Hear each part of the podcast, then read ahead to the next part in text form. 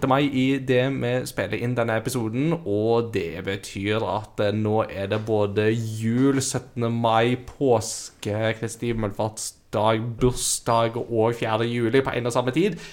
For dette er dagen der The Legend of Zelda Tears of the Kingdom lanseres, og det skal vi snakke om i det vide og det breie i dagens episode her i Crossover Gaming med meg, Inga Takanobu Hauge. Og jeg er ikke alene, for med meg i studio har jeg Peter Gjøskjell. God dagen. Og litt av grunnen til at vi skal snakke om Tears of the Kingdom i dag, er jo Nå kan jeg endelig si det. Jeg er jo blant de som har fått lov til å teste og spille det i forkant. Kvalmsekk. Og jeg lover at det skal ikke, dette skal ikke bli en sånn der «Hei, nye, nye, nye, Jeg har spilt det Men det, det er litt gøy å endelig kunne slippe den katta ut av sekken, for å si det sånn, etter å ha vært nesten sjølpålagt isolat i to uker. Å, stakkar. Det er så synd på meg. Eh, du skal ikke være ni-ni-ni, og så prøv, du å få sånn pitty-greie med at du har vært i isolat og vært tvunget til å spille spill som alle er sånn, Sikkert 70% av podkasten har vent. Nå er du jo Altså, du kjenner en spade i trynet. Jeg, jeg, er sånn. er jeg er farlig der, ja. Nei, men altså, det er jo litt sånn Du sitter jo nærmest på en statshemmelighet vet du, når du sitter med noe sånt som det der. Da, da, da er det jo veldig fristende å skulle begynne å sprute det ut til det vide og det brede. Men, men, men det er jo ingen tvil om at det, det er jo man, man vet jo at det her er det bare å check your privileges, altså, for det er jo definitivt et privilegium. Det, det er det jo. Så det der er en statshemmelighet, så du er like god på statshemmelighet som en annen borti USA vet om der, for du fortalte meg dagen etterpå at du har fått det tilbudet. Så det var en kjempedårlig Men det var jo fordi at vi skulle planlegge denne episoden, vet du. Hvor- Hva, hva du sa du sa? Jeg har fått, uh, fått tilbud om å uh, uh, spille Selda, um, men du er ikke sikker på at du hadde overskudd og tid? Og bare mm, Særlig. Det er som om du vurderer det. det, det det, til, til, til mitt forslag, det var faktisk reelle reell problemstilling akkurat da jeg fikk det, for da var det jeg allerede gørrsliten. Uh, Og det kan nok stemme, men vi visste jo begge to som, at, at du kom til å si ja. Ja, ja, ja. ja det, var liksom sånn mm, Som om du egentlig vurderer det. det er, det, var liksom, ja, det, det, det, var jo klart at eh, dette her var ikke noe du kunne si nei til, særlig med tanke på at eh, langhelga 17. mai, Kristi himmelfartsdag, får jeg besøk av mine foreldre. Så da har jeg iallfall ikke tid til å spille så mye. Mm. Så da var det litt sånn, vet du hva, alt annet må bare ryke, nå, for dette er en once in a lifetime opportunity. Men det betyr at eh, akkurat som alle mange ganger gangene du har fått et spill på forhånd. Og fått Ja, spill. ja, ja, ja. Og det, det er jo klart. Men, men, dette, men noen, Ja, ja, spill jo, noen spill er jo litt større enn andre. Dette er jo litt sånn Ja, no, noen spill er jo litt sånn at dette kommer jo bare på en måte én eller to ganger i en konsollgenerasjon, nesten. Mm. ikke sant? Og sånt. Så det er jo um, Og det er jo ikke gitt at en får det tilbudet heller. Altså, jeg fikk jo ikke tilbud om å anmelde Breath of the Wild, eksempel, Mm. i sin tid. Så det um, ja, så, så, så de tingene kan jo gå litt sånn så som så. Men det blir jo mer om det i temadelen som vi skal snakke om. Og vi kommer til å prøve å holde det fritt for liksom store spoilere og sånt, selvsagt. Altså, jeg vil jo ikke eh, ta gleden vekk fra Peter her. Nei, da sprenger jeg. Ja. Det, da får du klare deg sjøl.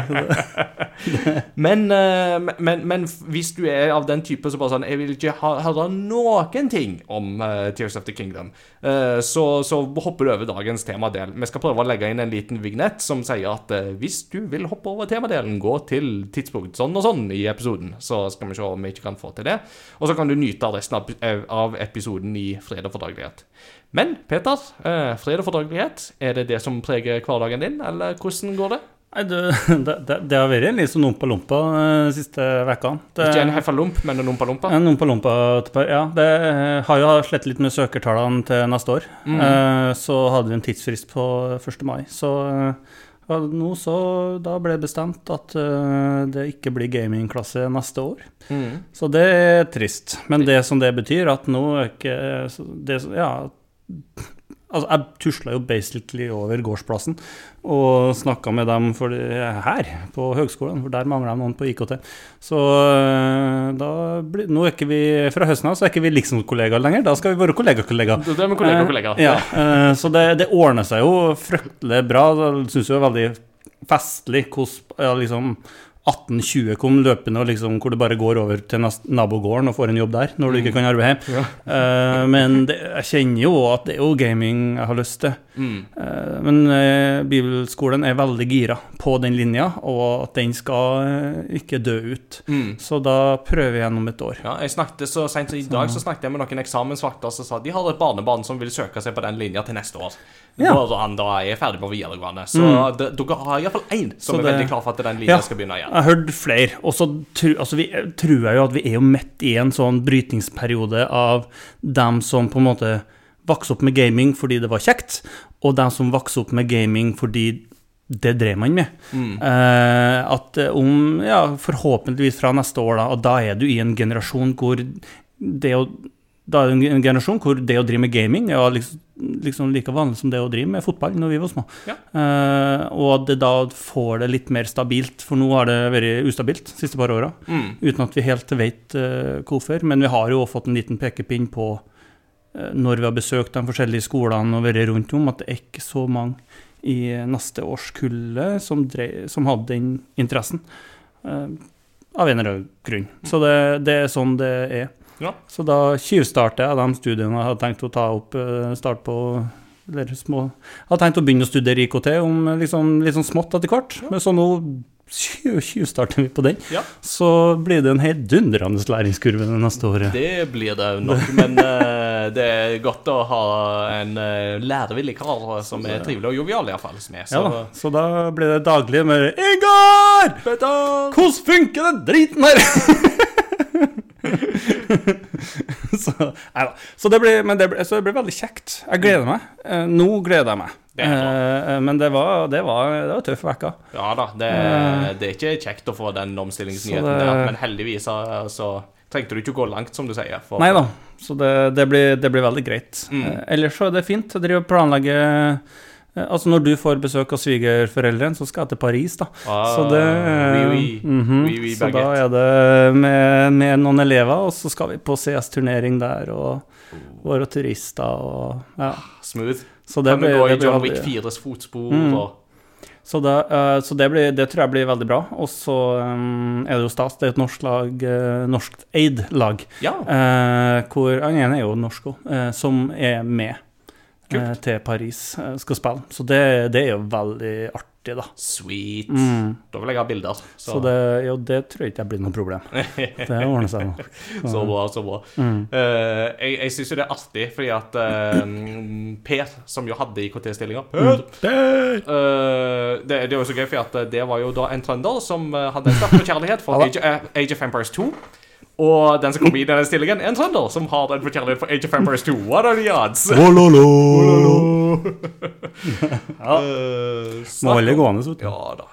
Nei, um, snakk om holdt på å si, stabil, uh, stabile arbeidsforhold og den slags type ting. Så um, min stabile hverdag tok en liten tumble off the cliff uh, i uh, går, skulle jeg Ja. si. Når jeg skulle sykle på jobb, så klarte jeg å tryne på sykkel, og det er jo derfor jeg sitter her med armen i fatle. Så um, det går bra, men uh, den uh, fikk seg en kraftig smell. Og da var jeg sjele, For det første så var jeg sjeleglad for at uh, Åh, takk og lov for at jeg ble ferdig med å skrive anmeldelsen for to dager siden. så sånn, hell i uhell. Og det andre som jeg tenkte på, var at åh, jeg håper dette ikke går så dårlig nå at jeg må avlyse den gjesteopptredenen som jeg skal ha i den andre podkasten. For jeg har i går, i Snakkende stund, så var jeg gjest i podkasten Spill. Ja. Så eh, Hei, for, Spill. Hei, spill! Takk til Adrian og Håkon, som uh, inviterte på en veldig hyggelig prat for å snakke om GameCube. Det ble lang episode, men du verden så kjekt vi hadde det. Ble det en lang episode når Ingar er med og snakker om GameCube. Det tror jeg ingen ble overrasket over. og så var det ikke bare meg heller, da. Det var vel òg Ståle fra Ragequit var eh, Ja. gjest, og han eh, er minst like glad i GameCube som jeg er. Skjønte jeg. Så det ble en lang og god prat. Så sjekk gjerne ut spill eh, der du hører podkaster. eh, så kan du høre meg, hvis du ikke får nok av det. Ja, det var det, da. Jeg må jo si at har jo, du, du har jo hovedsakelig sittet siden jeg kom inn, da. Men den fatlen din gikk jo så i ett med de andre klærne du hadde, at jeg så ikke den Ja. før du sa det. Så det var jo utrolig fascinerende. Så, så, så, sånn går det når eh, estetiker Kona er den som lager fatlet ditt. eh, Finner den beste silkeskjerfen Det- å lage til. Så eh, det er godt. Det er godt man er to. Ja.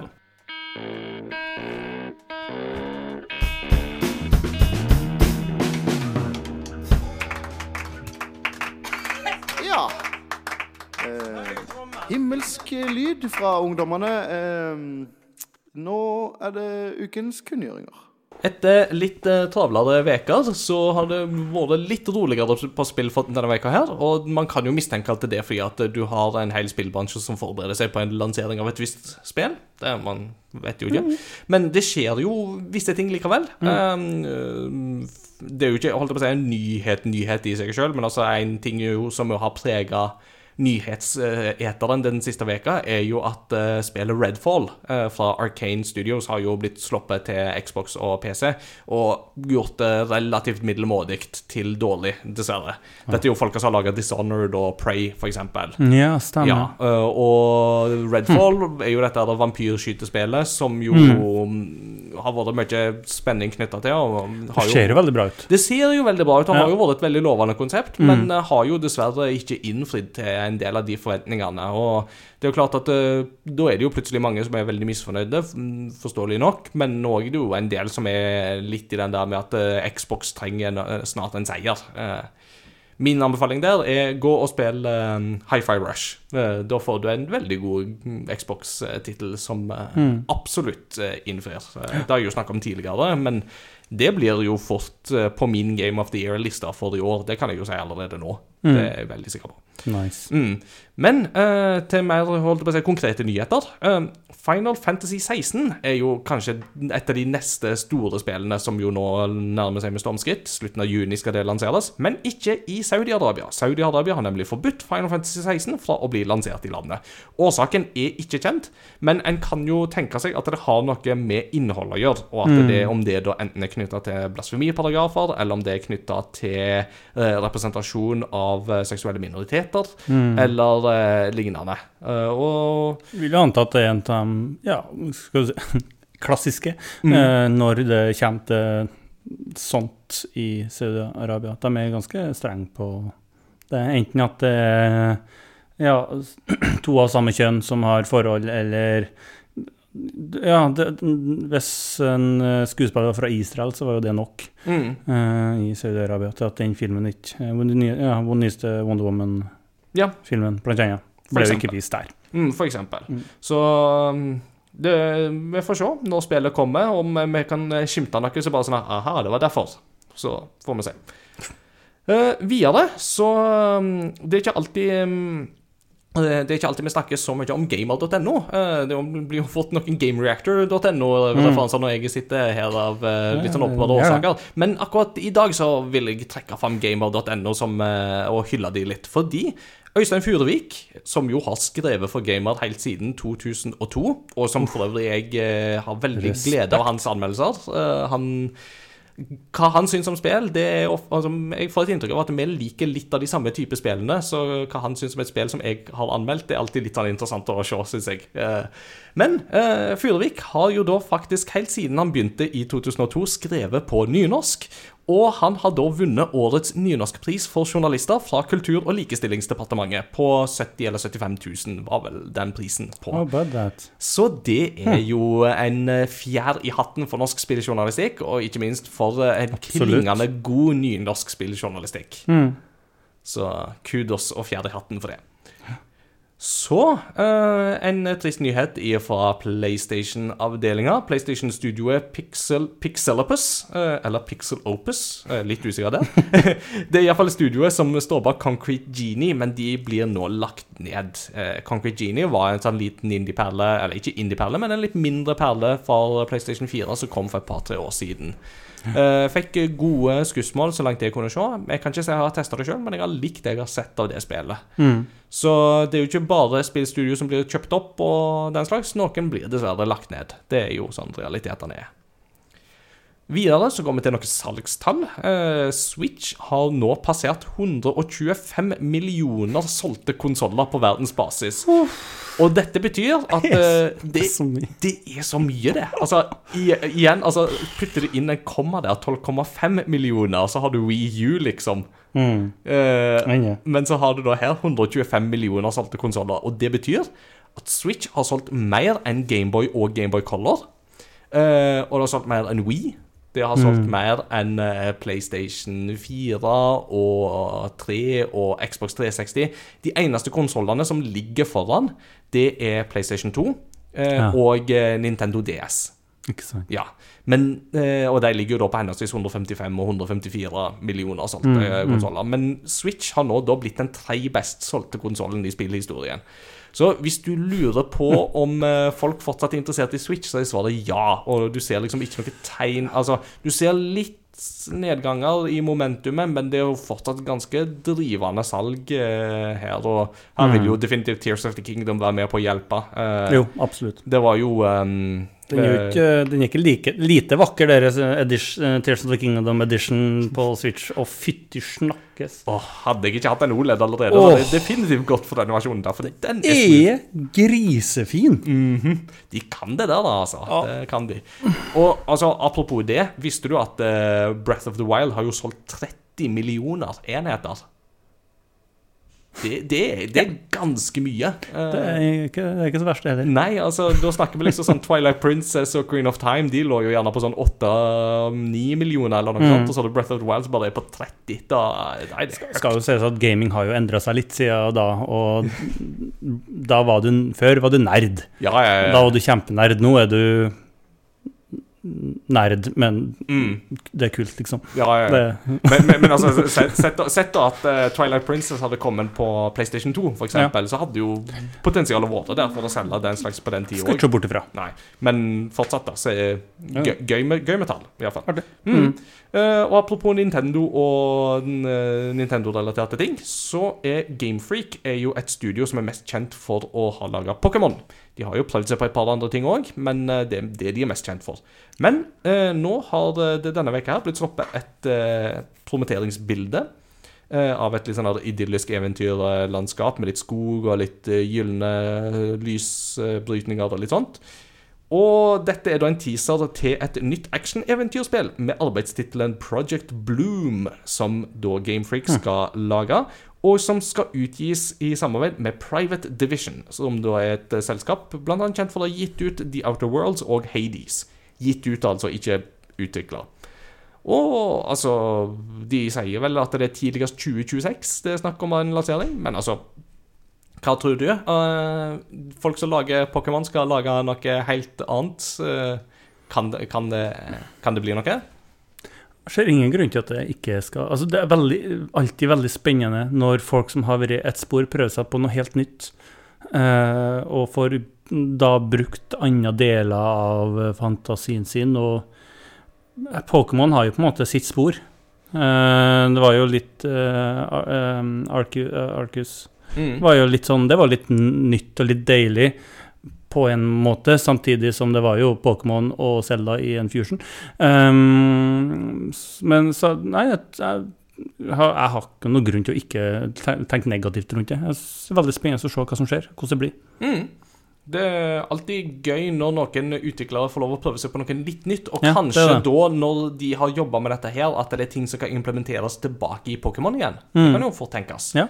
Så, og hvis de faktisk får tida til å utvikle dette her, ikke sant? Mm. altså får god tid til å utvikle det, så tenker jeg jo at det kan jo kanskje bli et spennende resultat. Så vi får vente i spenning. Ja.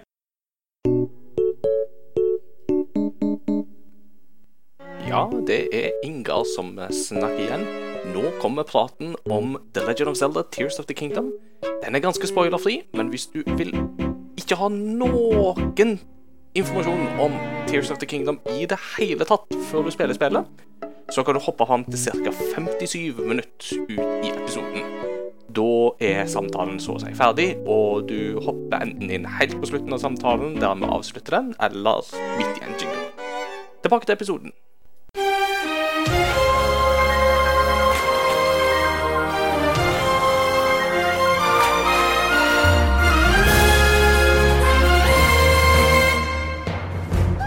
Yes, da skal jeg få styre litt. Så det, det, det blir jo deilig for både meg og dere, antar jeg. Oh, how the tables have turned. It's a cool, it's a cool send help! Men slapp av, det er ikke jeg som kommer til å snakke mest. Det kan jeg fortsatt garantere dere. Det ordner seg. Det, så du ikke, ikke, ikke bli nervøs hvis du tenker at det her blir veldig annerledes. Men jeg tenkte at siden dagens tema er jo eh, Tales of the Kingdom. Og Ingar har jo, som han veldig eh, ydmykt la fram, det spillet. Så, og det skal vi snakke om i dag på en spoilerfri måte. Um, eh, hvis at det kommer inn en spoiler, eh, slapp av, eh, jeg kan ty til vold. Det.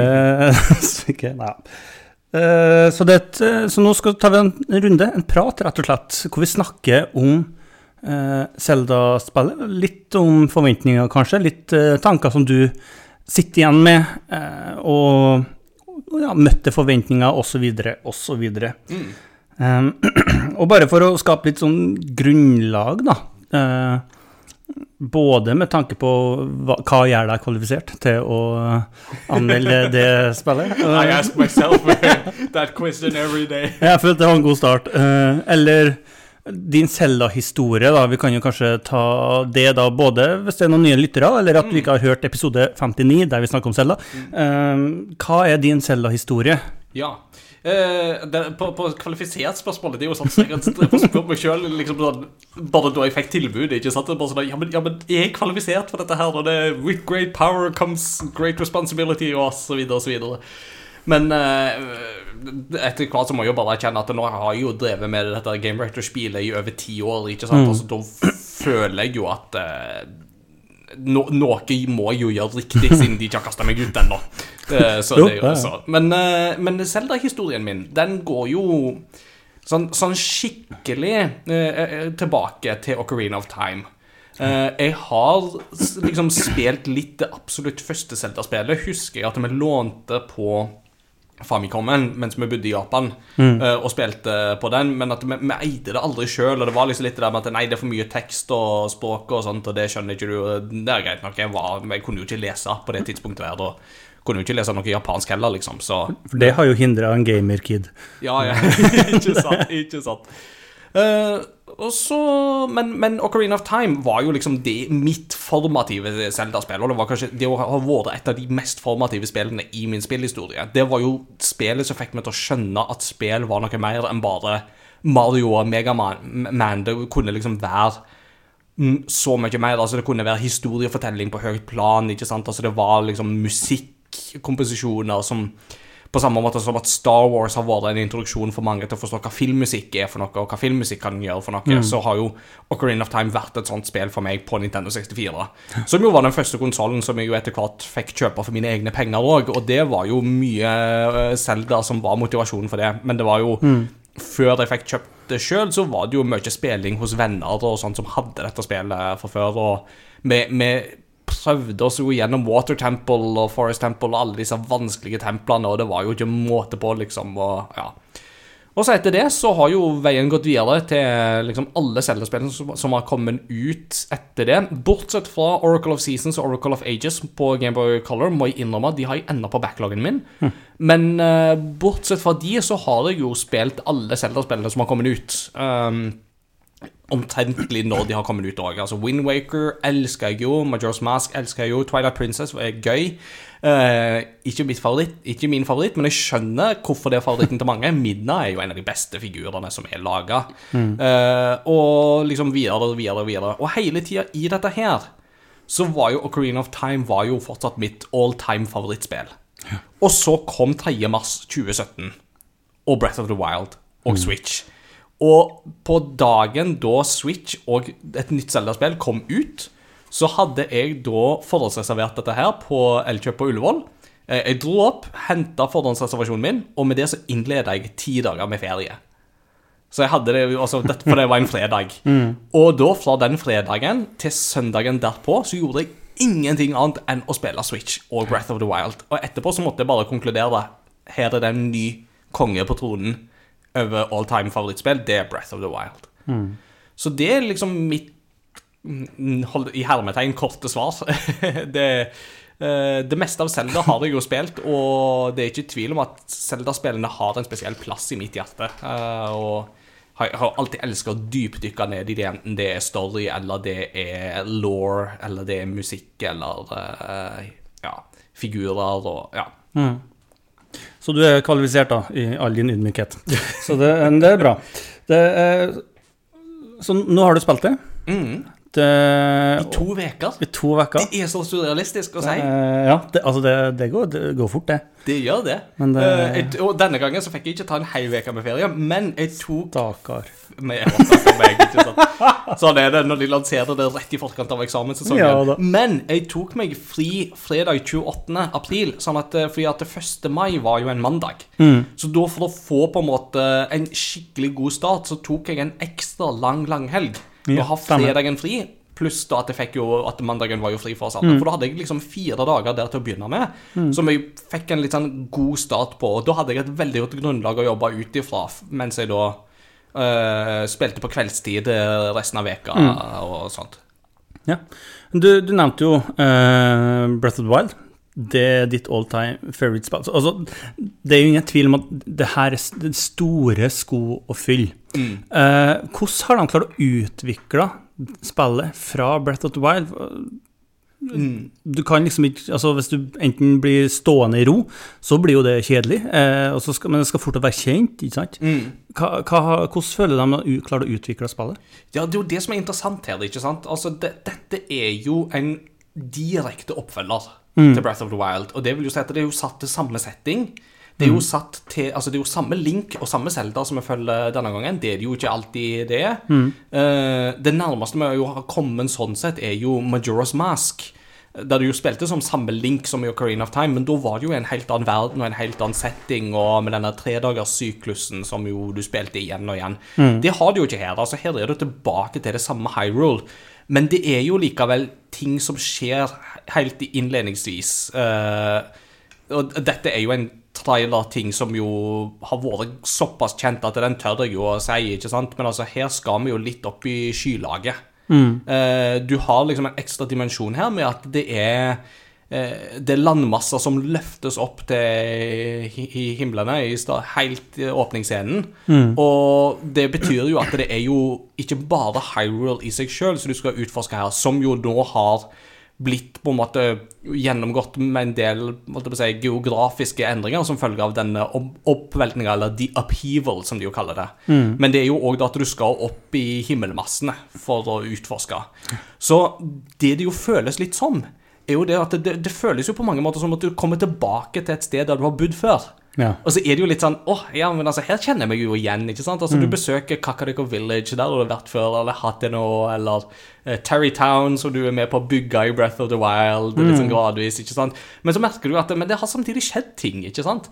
Og det er litt den der, det er den der nostalgien der, som er veldig lun og god, Mm. som jeg kjenner mens jeg spiller eh, Tears of the Kingdom, er jo det at her er det jo veldig mye kjent, men så er det gøy å oppdage alle disse her nyhetene som kommer inn som følge av dette her òg. Er det noe nytt du kan uh, fortelle oss om, uten at det liksom Dungeons, for eksempel, er jo en ting som er kjent innenfor hvis, du, hvis du er kjent med hvis, hvis, hvis du har spilt flere cellespill enn meg, så er du godt kjent med Bare så jeg har sagt, når jeg spiller Tears of the Kingdom nå, så dobler jeg antall cellespill jeg har spilt. så av alle de ene cellespillene jeg har spilt, så har jeg snart spilt to! Men Dungeons, Ja. det har jeg fått med. Det er jo en greie. Ja, det, Tidligere. Ja, det har jo vært en greie. Ja, kommer det tilbake? Kan, kan du si det? Det kan Altså, nå har jo det vært en nyhet som ble sluppet i går når vi spiller. eh, Og da tenker jeg at har det vært i et nyhetssegment, så får det nå bare stå til. Men altså Svaret på det er jo ja, men ikke helt sånn som du tradisjonelt tenker på templer og dungeons. Og, og det jeg mener med det, det er jo at i Breath of the Wild så hadde du jo disse her fire divine beasts som du jo skulle infiltrere, og så var det en bosskamp på slutten. Og jeg syns jo de var for så vidt gøye nok. altså Det var mer utfordrende steder og sånt, og du måtte snu og vri og vende på ting. Du var- tenke. Du måtte tenke. Ja, ja, absolutt. Men, men når du tenker tilbake i ettertid, så klarer jeg ikke å huske den ene av de fra den andre. Altså, De glir jo over i hverandre, Mm. alle disse fire her. da. Bosskampen òg var jo liksom alltid en eller annen man, En eller annen form for Phantom Gannon eh, var liksom det du sloss imot. Det, Mm. det var liksom en vindvariant eller en lynvariant eller et eller annet sånt. Og eh, det plagde meg ikke med Breath of the Wild, men jeg skjønner jo at man da savner de mer klassiske dungeons som skiller seg mye mer ut. Det, det forstår jeg jo. Og eh, jeg tror jo at hvis du har savna det, så vil du bli fornøyd med den tilnærminga de har gjort her. Fordi eh, i både Breath of the Wild og Tears of the Kingdom så er det jo sånn at du får et sett med egenskaper helt i starten av spillet. Og da har du alt du trenger for å løse hele spillet. I Ja. motsetning til den klassiske Zelda-formen, der du alltid fikk et nytt våpen i en dungeon, og måtte bruke det våpenet aktivt til å løse dungeonen og ta bossen. Eh, I stedet for så har du jo da her disse egenskapene. Og så er det disse eh, templene som er rundt omkring. Og for å komme seg til et tempel, så må du alltid alliere deg med en eh, lokal eh, En lokal alliert, eller en lokal venn, Ja. som har en eller annen evne som hjelper deg liksom på veien, da, kan du si. Men utover det så bruker du jo bare de samme evnene og de samme våpnene som du har til rådighet ellers i spillet. Og den måten dette da løses på men det er fortsatt veldig distinkte templer med på en måte fokus på gåteløsing, og det er liksom et sett med oppgaver som skal løses. Klassiske dungeons hadde du ofte mer med at du hadde en veldig bestemt rute. Du måtte gå, finne nøkkel der, åpne den døra, gå bort dit, ta en miniboss, gå til neste dør, osv. Her får du en mye mer sånn Her er tempelet, her er de tingene som vi må løse her for å få tak i det vi skal få tak i. Og så tilnærmer du deg det i den frie Breath of the Wild, Tears of the Kingdom-måten som jo har karakterisert disse spillene, nemlig det med at eh, du har et sett med verktøy til rådighet, men hvordan du bruker de verktøyene, det er helt opp til deg. Ja. Og den friheten som det der gir, det er så gøy. Det er mm. det som gjør disse spillene så gøy. Er jo det med at det, her Ofte så har jeg jo satt og liksom bare tenkt meg selv altså, Er dette rette måten å gjøre dette på? For det føles jo som at jeg tar en spansk en oppå i mente for å løse enkelte gåter. Bare som det, Ja, ja, jeg klarte det, men det kan da umulig være den letteste måten å gjøre det på. Mm. Var det sånn jeg skulle gjøre det? Og så tenker jeg etterpå Ja, men det spiller ingen rolle. Jeg fikk det til, og det er det som betyr noe. Jeg er ikke rett eller galt. Det viktigste Målet er å få det til. Målet er å få det til. Mm. Så jeg har jo ikke brøt det ned Jeg har, jeg har ikke funnet en game-breaking bug eller noe sånt for å løse det. Jeg har bare løst det på en måte som faktisk funka. og jeg gleder meg jo sånn sett til å se hva folk får til i dette spillet her, for her er det mye gøy med disse nye verktøyene. altså. Ja, det, men det, det ser du i, i Breath of the Wild òg. At de som har fortsatt holder på med det, det er ganske mye fascinerende de har funnet ut av. Speedrun, f.eks., eksempel i, i Breath of the Wild, er jo på rundt 20 minutter. Ja. Og det er jo, det er jo helt Som er absurd. total bananas. Det er helt absurd. Men det er jo bare sånn, du ser jo for deg at det er liksom basically sånn at folk som på en måte kutter ned en tømmerstokk oppe på Great Plateau, ikke sant? Og så, og så flyr de av gårde på den, for at de klarer å bygge opp masse sånn kinetisk energi på den, og så setter de seg oppå tømmerstokken og står der omtrent som Tao Bai-Bai i uh, Dragon Ball, som bare liksom en, en character som jo kutter ned en sånn tømmerstokk, hiver den i lufta, og så hopper han på den sjøl, og så bare fyker bortover. Ja. Eller det, En ting som er oppdaga ved speedrun, er jo at den kirka som du kommer til i starten her, ruinene, så er det en, en bug. Så du begynner å klatre opp på den ene plassen, og så hoppe ned igjen. Så kan du hoppe gjennom vinduet. Ja. Som er en shortcut, sånn noen, og det er liksom Ja. Ja. Eller eh, den, et, det som er regnet som et av de mest umulige tingene å få til, er gjort i Breath of the Wild, og det er over den byen i ørken, der det er bare damer, som Ja. heter Gerudo. Takk skal du ha. Uh, der er det en pil som er langt oppe i lufta. Den skal jo ikke være der. Mm. Men å klare å få tak i den pila her, det, regnes, det, det ble regna som umulig. Men det er én mann som har fått det til. Wow. Så det ble, det ble en kuriositet. Ja. Eh, Ja. ja, skal ikke snakke om uh, of the Wild, vi skal snakke om Tears of the Kingdom. Ja. Uh, eh, gameplay ja. og sånt. Gi oss det vi har lyst til å høre. Ja, eh, og Det er jo veldig gøy at du nevner denne her pila som er oppe i lufta. Det visste jeg ikke om, forresten. Men altså, i Tears of the Kingdom så vil det ikke være så vanskelig å få tak i den pila der. Nei, det antok jeg jo når Ja. jeg hører hvor vi er inne på den. Fordi eh, Ja, for vi skal jo opp i lufta og litt sånne ting som dette her. Og det er jo i disse her himmeløyene så vil en jo på en måte oppdage rester av teknologien til en gammel rase. Ja. eh, som eh, var hinta til i Breath of the Wild, og som vi får vite mye mer om nå i Tears of the Kingdom.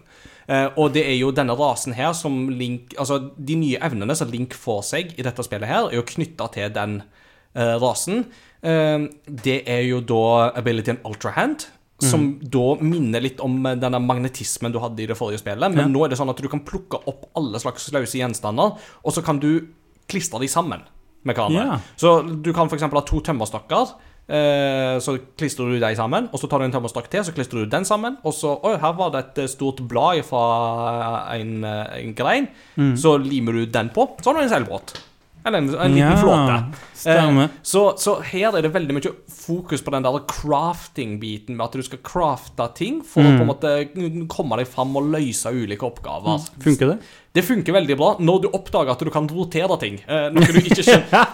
Og okay. Dette er faktisk for dere lyttere. Altså, jeg spilte dette spillet i pro-modus, som vil si at jeg skrur av HUD-en. Altså at jeg skrur av alt på menyen, at jeg kun har hjertene øverst oppe. For at eh, da har jeg ikke liksom minikart, og jeg har ikke alle disse knappeinstruksene for ting og tang, for at da får jeg liksom leve meg enda mer inn i spillet, syns jeg. Ja. Men det gjorde jo òg at jeg så jo ikke kontrollene for hvordan den her ultrahand-abilityen fungerer.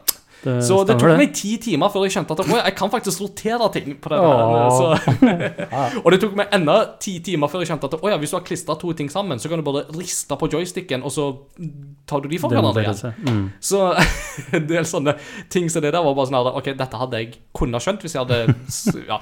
Så nå, nå slipper dere å gjøre den samme feilen som jeg gjorde. Og så har du en ability som heter fuse. Som da handler om at du, du, du smelter to gjenstander sammen. Ja. Og dette er jo basically for våpen. For at ja. dette med våpen de blir jo fortsatt slitt og går i stykker, sånn som det forrige spillet. Noen, ja, noen mislikte jo det veldig. Jeg syns jo det var veldig gøy, fordi det tvang meg til hele tida å måtte på en måte prøve nye ting og være på en måte veldig sånn adaptable, og det passet veldig med spillets law, syns jeg. Og det, og det gjør det for så vidt her òg, den forklaringa de bygger her for hvorfor det det fortsatt er et problem, da. Ja. Uh, med Fuse så er det jo da sånn at du kan eksempel Hvis du får tak i en mm, tjukk um, stokk, så er jo ikke den nødvendigvis så god i seg sjøl. Men hvis du finner en stor stein, og så bruker du Fuse, så har du plutselig bygd deg en steinøks eller en steinklubbe, og Ja. den er mye mer effektiv. Og så begynner du å gjøre dette her med alle slags komponenter. Så er jo dette her noe som danner veldig gøyale ting. Um, noe av det gøyeste er jo f.eks. hvis du har et skjold, og så finner du en eh, sånn rakett så fra gamle teknologi. Så bare fuser du det eh, sammen, så neste gang du tar på skjoldet, så bare fyker du rett opp. Omtrent som One Punch Man. Ah, ikke sant? Ja. og så har du da um, rewind, eh, eller recall heter det vel egentlig, som da er basically at du skrur tilbake tida på en gjenstand. Eh, Uh, og sånn at Hvis det kommer en stein mot deg, for eksempel, så kan du bruke re rewind eller recall på den, og så fyker den steinen tilbake dit den gikk. Og Dette er jo en av måtene du kan komme deg opp i lufta på, fordi at det er dette sånne steiner ned fra lufta av og til. Så kan du bare gå bort til den og så bruke recall, og så blir det en heis opp i lufta. Veldig gøy. Og så den siste, og den siste evnen, som jo kanskje er en av de kuleste, syns jeg, det er jo um, Og nå husker jeg ikke farta hva den heter, men det er en evne som gir deg muligheten til å svømme gjennom Altså, du hopper rett opp og svømmer gjennom solid masse. Så la oss si da eksempel at du står inne i et hus, og så skal du opp på taket av det huset. Så istedenfor å gå ut, finne en stige og prøve å klatre opp på taket, og sånt, så kan du bare bruke denne egenskapen. Så hopper Link rett opp, svømmer gjennom taket, og så kan han poppe opp på, på taket igjen. Og Ja. hoppe ut der. Og det åpner jo da opp for en veldig kul form for vertikal level design. Med at det, En del uh, level design som vi er vant til, er jo veldig horisontal. Ja. Men her må du tenke mye mer vertikalt, og det er kjempekult, altså. Ja. Og når disse evnene her brukes sammen da blant annet med denne her gamle teknologien, så betyr jo det at du kan jo f.eks. begynne å bygge deg eh, flygefarkoster. For eksempel. Ja. Du kan, fordi du kan finne noen sånne eh, gamle, holdt jeg på å si, vifter eh, som du da kan feste på en eh, tømmerstokk eller et eller annet sånt, og så kan du bruke det som en slags dronefarkost av et eller annet slag som du står oppe og fyker oppover. og etter hvert så kan, får du jo tilgang på flere og flere komponenter og det som du kan finne rundt omkring og på forskjellige måter, og det gir deg jo muligheten til å bygge ganske komplekse ting etter hvert. Og min fantasi på dette her er jo ekstremt begrensa, så jeg bygger jo bare de samme tingene igjen og igjen og igjen. Men Ja, Du, du er jo ikke så glad i sånn byggespill i utgangspunktet? Nei, eh, nei, multispillspill, nei, jeg er jo ikke det, men jeg elsker den mekanikken som du har her. Mm. Uh, fordi at det er, det er så lett å forstå. Og så er det noe med at det, det føles så lite straffende å bare prøve å feile i dette her. Så den der pila over Gerudo Town, den vil du lett kunne få tak i her, for du vil bare kunne bygge deg en eller annen flygefarkost, og så fly opp og så ta den. Ja. Eh, ikke at den er der nå, da, Nei, det hadde vært veldig Det hadde vært en utrolig festlig hvis de bare lot den bli der. Det er, og, og, og, og, disse nye evnene her, kombinert da med denne- disse teknologiske virkemidlene, gjør jo at du utforsker Hyrule på en helt ny måte. Så selv om du er på kjent grunn, men med visse forskjeller, så er jo måten du tilnærmer deg disse problemene og fiendene og sånt på, blir jo helt ny. Og det gjør jo at det føles jo nytt og fresht og spennende for det. En ting som ofte er Jeg syns iallfall er at det er både merkelig og irriterende, i hvert fall hvis de aldri har liksom forteller hvorfor, er jo at karakterer har en tendens til å miste bli svak. Miste egenskaper. Altså i Tomb Raider så må du lære deg å skyte på, med hagle på nytt, liksom. Det er en ting som ofte er veldig typisk innenfor eh, spill, og eh, litt kjedelig, syns jeg, for jeg føler at du alltid må starte på nytt. Mm. Er, er det her uh, tilfellet i Selda? Ja, du, du mister jo evnene dine Ja. Innledningsvis. Du gjør jo det. Er det begrunna? Ja, Ja, okay. det er det. Og det er, det er godt begrunna, vil jeg si. Det er mm, det, På mange måter så kan du si det er litt sånn videogame-ish, men det er god videogame-ish, vil jeg si. Altså, det er en helt reell, plausibel måte de løser dette her på.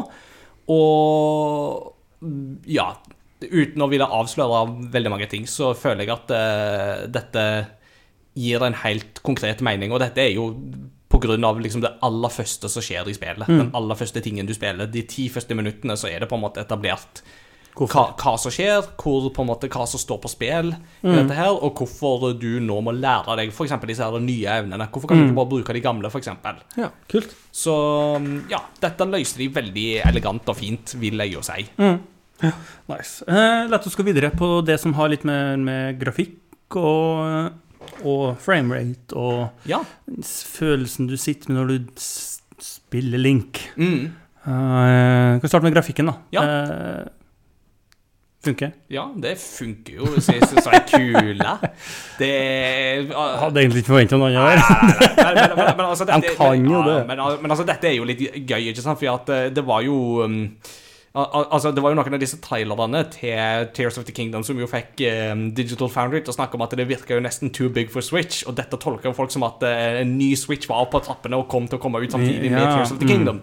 Så det, men, men, men spørsmålet too big for Switch har jo da vært et slags meme i den forbindelse der, og det er jo et reelt spørsmål, for Switchen er jo seks år gammel nå. Det er det. Det er jo det helt utrolig å tenke på, men den er seks år gammel teknologi. Og i løpet av denne tida her, så er det jo en del ting som har skjedd. Vi har fått nye konsoller, Ja. som jo pusher den grafiske standarden ytterligere. Vi har fått spill som har henta inspirasjon fra Breath of the Wild og implementert sine mekanikker for å pushe open world-spill ytterligere. Eh, og ikke minst så har vi jo faktisk vært nå gjennom en pandemi. Ja. Og vi har vært i en situasjon, særlig nå de siste månedene, der en del spill lanseres i en veldig uferdig tilstand. Redfall, meget. ja, Redfall har jo vært et eksempel. Star Wars Jedi Survivor har vært et eksempel på det. Eh, og en del PC-porter generelt, har jo, særlig PC-porter, har jo vært veldig dårlig stilt det siste halve året. Det har jo knapt nok kommet en PC-port uten at uh, Alex i Digital Foundry har sukka og klaga sin nød over på en måte at det, det, det er jo ødelagt, eller det, det fungerer jo ikke etter intensjonen. ikke sant? Så, så dette har jo vært en reell problemstilling. Men på Switch så har det jo vært Du har hatt spill som Pokémon Scarlet og Violet. Ja. Spill som jo folk elska, sånn rent gameplay-messig. Men det tekniske var jo en katastrofe. Det, det var Legorama. Det var Legorama, og det var jo ganske store problemer der. Og en del spill som jo har kommet fra Nintendo sjøl òg, har jo til en viss grad hatt noen problemer med å kjøre relativt stabilt på, på Switch. Eh, Breath of the Wild hadde jo litt dipper her og der, og litt sånt, og det ble jo bedre med tida, men det var du, En merka at det sleit litt med å kjøre på en stabil 30. Her så var det litt mer problematisk i innledningsfasen av testperioden. Og så slapp de plutselig en patch. Og etter den patchen så har det knapt nok vært en dipp å spore. Altså, dette deilig. spillet kjører ganske stabilt 30 frames i sekundet mesteparten av tida. Jeg sier mesteparten av tida, for du, for du kan trigge visse situasjoner som gjør at uh, frameraten går litt ned, og det er særlig hvis det skjer veldig mange ting med fysikken, og veldig mange fiender på skjermen samtidig, blant annet. Det er jo ikke veldig uvanlig. Nei, og det er ikke så uvanlig at det Altså, det, altså, det krever jo da mye av maskinen, ikke sant. Men i det store og det hele så er jeg mest forbausa over hvor bra dette spillet kjører. Altså Både med tanke på framerate og den slags, men òg det at jeg har ikke opplevd en eneste bug eller feil eller krasj eller noen ting med dette spillet. Det bare fungerer. det er interessant. Det bare fungerer. Og altså, det, det, er jo, det er jo latterlig at vi skal sitte og skryte for at et spill faktisk fungerer, men vi har jo havna litt i en situasjon der det faktisk er ikke alltid et selvfølge. At disse spillene bare fungerer og kjører så elegant og fint. Ja. Og grafisk sett også, så merker du at grafikken her er kvassere. Lyssettinga er bedre, og det, det Grafisk òg, så kjører det bedre. Så, så, så du merker at det, her har de ikke måttet forholde seg til at dette skal òg ut på Wii U. Dette er kun for Switch. Ja. Og det merker Det- du i det tekniske arbeidet her. Så eh, hvis du på en måte forventer liksom en helt bunnsolid 30 i enhver situasjon, så, så vil du kunne finne situasjoner der det ikke er tilfellet, men jeg tror de aller fleste vil si seg veldig fornøyd med hvor bra dette faktisk kjører. Eh, Gjelder det OLED, eller tror du det gjelder også den gode gamle Det vil nok gjelde på den gode gamle òg, og det skyldes jo det at det er jo i utgangspunktet batteriet som er på en måte Ja, den store forskjellen. Altså Det er jo ikke forskjell på prosessor eller på RAM på disse forskjellige stemmer, modellene. stemmer. Mm. Så dette vil kjøre likt på Switch Lite og på OLED og standardversjonen. Det er Mm. jeg helt sikker på. Og så er det jo noe som vi vet at uh, du er interessant om, som jeg har, må, må spørre om, og det er jo musikken. OK, Inga liker den. Da går vi videre. Ta, eh, hvordan, eh, eh, ta oss en liten vandring inn i historiebildet som, som males. Mm. Jeg kan både ta historie og Eller jeg skal ikke ta mye historie. Nei, ikke men, mye historie, men sånn, Men, men- altså mm, Spoilerfritt. Ja, ja, spoilerfritt med litt sånn historie og litt musikk og litt sånt. Ja. Men altså mm, Historien syns jeg får mer fokus her. Mm. Eh, mange har jo ut ifra trailerne lurt på får vi et mørkere Zelda-spill denne gangen. Mm. Litt sånn som Majora's Mask var et mørkere enn Ocarina of Time, f.eks. Og da vil jeg si at Til en viss grad så gjør du det, men de kunne nok gått enda mørkere. På, en, på en måte så kunne de nok gjort det. Men de har noen vendinger og sånt underveis i storyen her som bare er litt sånn der Å, du helledussen-momenter. Det er noen sånne. Eh, som om det ikke er mørkt, så er det i alle fall litt sånn der eh, høydramatisk og ganske emosjonelt til tider, altså. Det er så, så Men òg bare det at historien føler jeg får liksom mye mer fokus her. Eh, litt fordi at det er I det forrige spillet så var det jo mer flashbacks til hva som skjedde for 100 år siden, som var på en måte den store historiefortellinga. Ja. Her så er det mye tettere Du er mye tettere på begivenhetene nå, og det gjør jo at uh, det føles mye tettere på deg som spiller. Mm. Um, men så er det jo sånn at eh, fortsatt er det jo sånn at noen av de beste historietingene, det er jo de tingene du bare oppdager ved en tilfeldighet. Jo da. Ikke sant? Altså, Breath of the Wild var et spill der du bare snubla over ting, og så var det kanskje noe av det beste du opplevde med det spillet. Sånn er det jo i Tears of the Kingdom òg. Det, dette er ikke et spill som fortell, holder deg i hånda til enhver tid. Altså, du har noen hovedhistorieplott her og der som er sånn der går du for å trigge den historieeventen og sånt til hovedhistorien. Men selv med tanke på hovedhistorien så må du leite og grave litt, altså. Og det er veldig artig. Mm. Men så er det jo dette her med musikken, da, som du jo sa. ikke sant? Og jeg har allerede skrevet til Espen, Espen. som vi jo hadde innom for å snakke musikkpedagogikk. Og Mm. han var jo gjest eh, og snakka om eh, Win, Jeg og han snakka jo masse om The Wind Waker, Ja. et annet Zelda-spill. Og jeg skrev til Espen i går og bare sånn jeg gleder meg allerede til du og meg kan sitte og nerde over denne musikken her, for her er det så mye å ta av. Både med på en måte de, de bruker jo en del elementer fra Breath of the Wild, ja, de gjør jo det, men det er mye nytt som komponeres inn her òg. Og noen av de mine absolutte sånne hakesleppøyeblikk, det er når jeg noen, I noen av disse mest intense øyeblikkene at jeg oppdager at det her har de tatt den låta fra det gamle Zelda-spillet, og så har de masha inn med elementer fra den låta fra det Zelda-spillet. Og så har de tolka det på en måte som jeg ikke trodde var mulig å gjøre dette her på. Og det er sånn her Wow! Dette er Altså Elsker du å nerde over Zelda-musikk, så kommer du til å storkose deg med Tears of the Kingdom, for de gjør det så mye kult.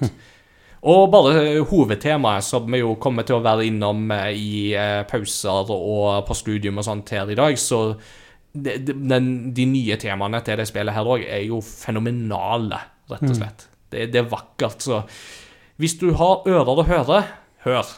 Ja. Amen. Amen. Deilig. Nærmer oss uh, slutten på mine spørsmål, i hvert fall. Ja. Uh, viktig spørsmål. Vil du anbefale folk å spille Tears of the Kingdom? Ja, altså Ja. Sånn, ja, ja, det korte svaret er ja. Uh, men jeg må jo, som anmelder så må jeg jo begrunne dette her òg, ikke sant? En ting som jeg, jeg satt jo lenge når jeg spilte dette her, og hele tida når jeg spiller det, så er det jo litt sånn her Jeg er aldri i tvil om at dette er et bra spill. Det er litt sånn, Uansett hvordan du vrir og vender på det, så tror jeg du må på en måte erkjenne at dette er et bra spill. Men så er jo spørsmålet er det noe for deg eller ikke. Altså, Breath of the Wild var jo ikke noe for alle. Nei? Og jeg vil nok på en måte tro at hvis du absolutt ikke likte Breath of the Wild, under noen omstendighet, så er jeg litt i tvil. Altså, Da tror jeg nok ikke at det er så mye å hente for deg her. For en del av de grunnleggende strukturene er jo de samme. Ja, jo. Og det er jo mye som brukes om igjen her. Mm. Og det var jo en sånn ting som jeg følte at det blir det for mye gjenbruk. For det tar jo vekk noe av den der wow-faktoren som du hadde med Breath of the Wild.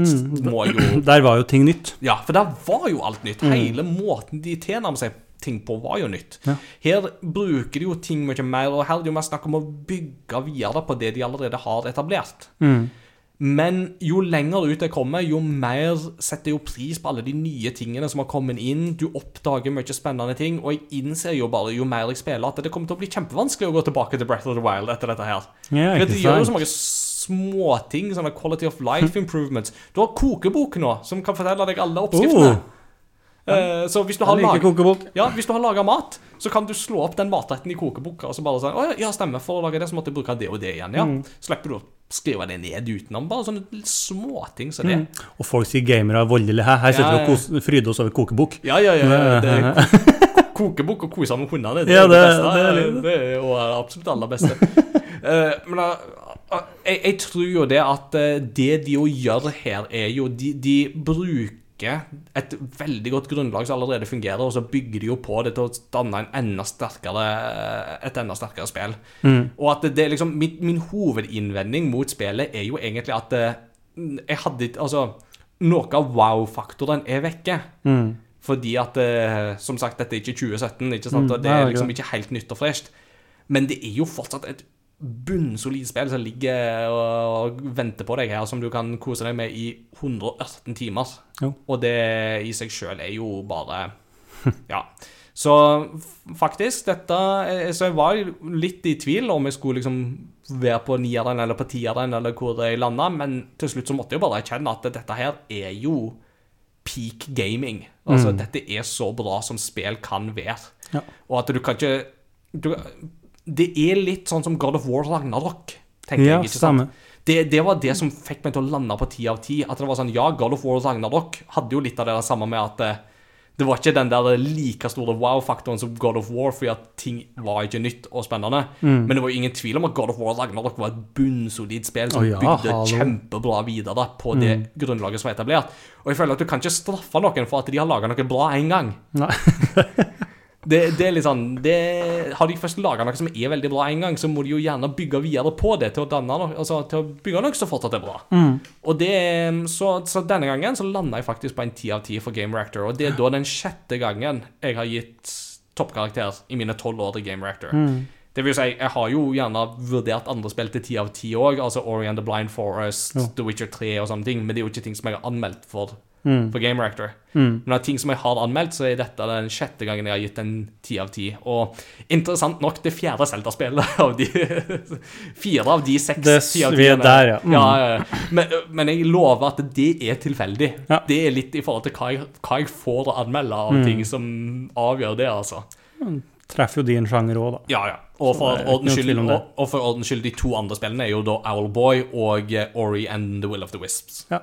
Så Kult. Spennende. Nei, men takk for den. mm. har, du, har du fått svar på det du vil ha svar på? Uten Ja, å få spoila ting? Ja, nei, jeg, jeg, jeg, er veldig, veldig fornøyd. da. Så det bestilte spillet i dag, så da setter jeg i gang på mandag, sikkert.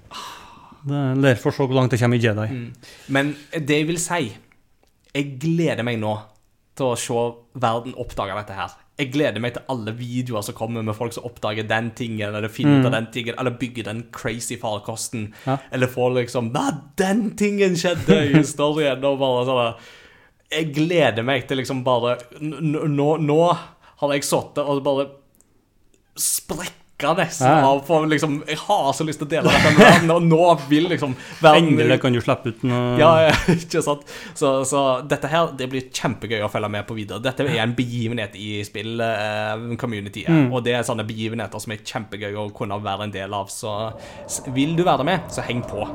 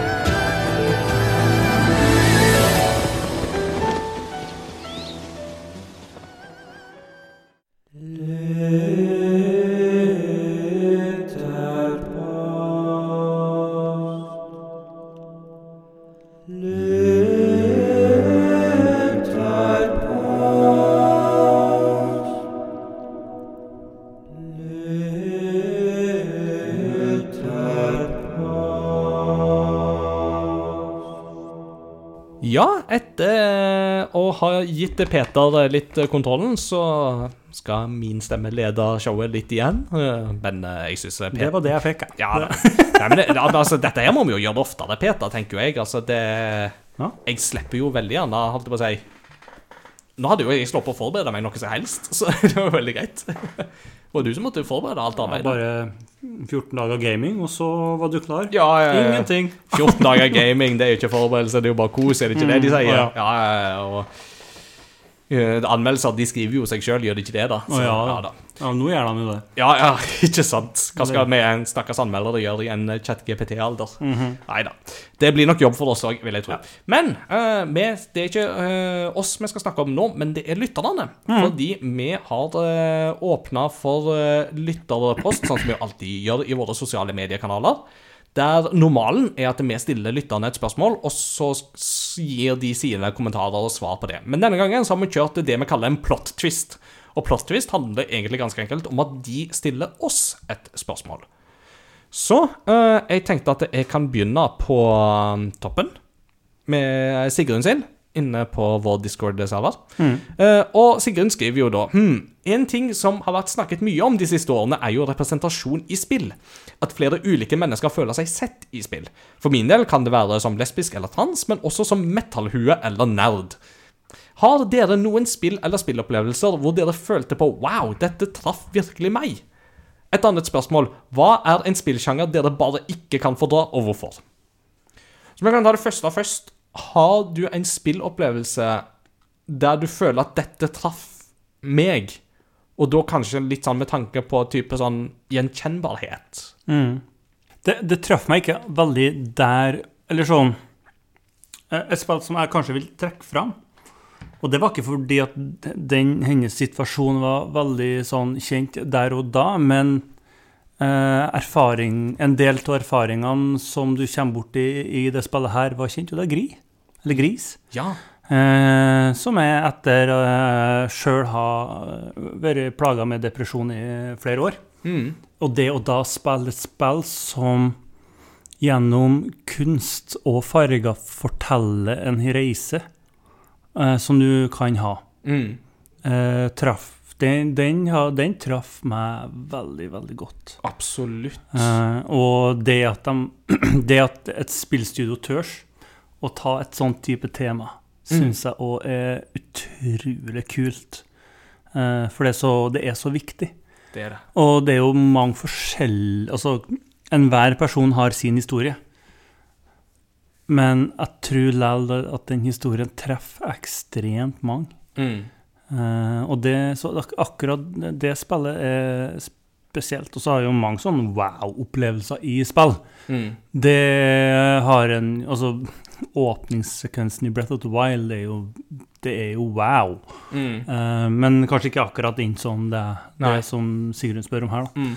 Og, og, og sånn som en gris, for eksempel. Altså, eh, det er jo noe av det som jo står så sterkt for det spillet for meg, er jo hvordan dette kommuniserer så mye med nonverbal kommunikasjon. Ja. Det er jo Kun- kun som musikk og Det er kun musikk og farger, og mm. altså artistic viewpoint. Det er jo ikke et skrevet ord Nei. i det spillet. Men du skjønner godt hva som du, men du må bare på en måte Hvis du har opplevd dette, Mm. så skjønner du så innmari godt hva det er som fortelles her. Mm. Og hva må, Den reisa, hva enhver farge eh, representerer. Mm. Hva, det, hva fargen forteller. Mm. Og hva, hvilket, hvilket stadie av reisa du er i. Mm. Ikke sant? Uh, når du starter liksom med hvitt og svart, og det er grått og trist, liksom, og så har du rød, Mm. hvor du blir en hard, firkanta boks som Mm. står imot. Mm. Sint og stødig, tror du. Ja, ja. uh, ja. Eh. Mm. Ja, og et spill som jo tangerer litt av den tematikken, som jo kom samme året, det er jo Celeste, Mm. faktisk. Som jeg jo òg vil anbefale i den forbindelse der. eh, Og som òg var et sånt spill som traff meg på den eh, måten der, eh, Mm. vil jeg jo si. Og som er en grunn til at jeg rangerer det spillet ganske høyt. Mm. Ja, jeg tenker jo òg på at dette er jo mm, Begge de spillene der vil jeg jo stille meg bak, absolutt. Og noe som jeg jo tenkte litt på òg, er jo litt den der med jeg er jo litt opptatt av den der med på Jeg er jo fortsatt litt opptatt av på en måte den der med representasjon ut ifra på en måte eh, et, et kristent perspektiv. Jeg er jo òg litt opptatt av. Mm. For den kan jo fort liksom gå litt under radaren på mange, ikke sant? At man tenker at det, det er ikke så farlig. Men jeg tenker jo som kristen sjøl at det er litt viktig innenfor spillmedia òg å få noen sånne representasjoner. Og altså innenfor TV og film så er jo det en av grunnene til at Daredevil-serien har jo blitt så viktig for meg Mm. har jo vært fordi at eh, det er noe med på en måte den truskonflikten som jo Matt Murdoch opplever, som er føles ekstremt troverdig og reell. Ja. Eh, men det er jo ikke det vi snakker om, vi snakker om spill. Eh, og um, en, en figur som jeg faktisk vil trekke fram der, som jo kan komme som en overraskelse for mange, det er Suvi fra spillet Mass Effect Andromeda. Ja. Og Mass Effect Andromeda er jo ikke et Det- spill jeg det- normalt snakker varmt om. Det, det, er kjent for noe veldig mye annet Ja, den er, det er kjent for trette tryner og litt sånne ting. Yes. Eh, og altså, eh, det, er ikke tvil om at Mass Effect Andromeda var en skuffelse for meg. Men du har jo der faktisk en pilot, eh, eller en, en um, Hun er ikke pilot, men hun sitter i cockpiten og er vel egentlig holdt på å si, research-ansvarlig for den ekspedisjonen. Og når du har samtaler med henne, så innser du jo at hun har jo faktisk en tro på en uh, guddommelig makt bak på en måte eh, skaperverket, rett og slett. Og det er fordi hun er vitenskapskvinne at hun, at hun tror på dette. Ja. Og at det med at, eh, som hun sier, at jo mer jeg studerer vitenskapen, altså jo dypere jeg trenger inn i det, jo sterkere blir den trua. Mm. Ikke sant? Altså at, og det var en sånn, det traff meg skikkelig da jeg spilte det spillet. Fordi at det, det var ikke bare holdt på å si, et eh, Det er ikke et eh, liksom, veldig klart uttrykt kristent perspektiv. Men det er et veldig klart uttrykt perspektiv på dette her med at tro og vitenskap trenger ikke å være motsetninger. Mm. Og det er jo en litt for veletablert myte i moderne sammenheng. er jo det at Veldig mange tenker jo det at du må velge tro, eller du må velge vitenskap. Mm. At uh, skal du gå for det ene, så må du utelukke det andre. Og det, det stemmer jo bare ikke. Altså, Går du holdt på å si, historisk og kirkehistorisk tilbake, så, så trenger du ikke gå langt for å skjønne at dette ikke er tilfellet. Men, men det er så godt å få på en måte noen moderne eksempler på det òg, som kan på en måte vise det, og da særlig innenfor gaming. Så jeg syns det ble veldig bra. Ja. Og Nei, all, all forskning viser jo at uh, uten, altså, kristendommen har jo vært helt fremst innen vitenskap. Opp Ja. gjennom tida. Ja, eller Det er jo en myte, det andre. Mm, eller, ja, eller ta, ta da for eksempel den eh, Nå sitter jeg og leser Dominion av historiker Tom Holland. Og Tom Holland er jo sekulær historiker. Altså Han har ikke noe holdt på å si, trusaspekt inni Altså han har ikke noen aksjer inne på en måte på det trusmessige her. Men, men han er jo soleklar på på en måte med at eh, det er takket være på en måte kristen idé, den kristne idéhistorie at den vestlige sivilisasjon sånn som vi kjenner den i dag, har utvikla seg. Ja. Og det inkluderer jo da sånne ting som f.eks. vitenskapelig metode, akademisk frihet, eh, trosfrihet, eh, demokratisering osv. osv. Eh, dette er ikke på en måte ting som i utgangspunktet går tilbake til romerne, liksom, eller til grekerne, for den saks skyld. Altså, Du kan på en måte kanskje mm, liksom finne aspekter ved det der, men det er ikke der vi først og fremst har det fra. Og, og ja, innenfor altså universitetene òg. Altså, de to eldste universitetene i verden ble etablert i den muslimske verden. Den tredje, det tredje universitetet det var i Bologna. Ja.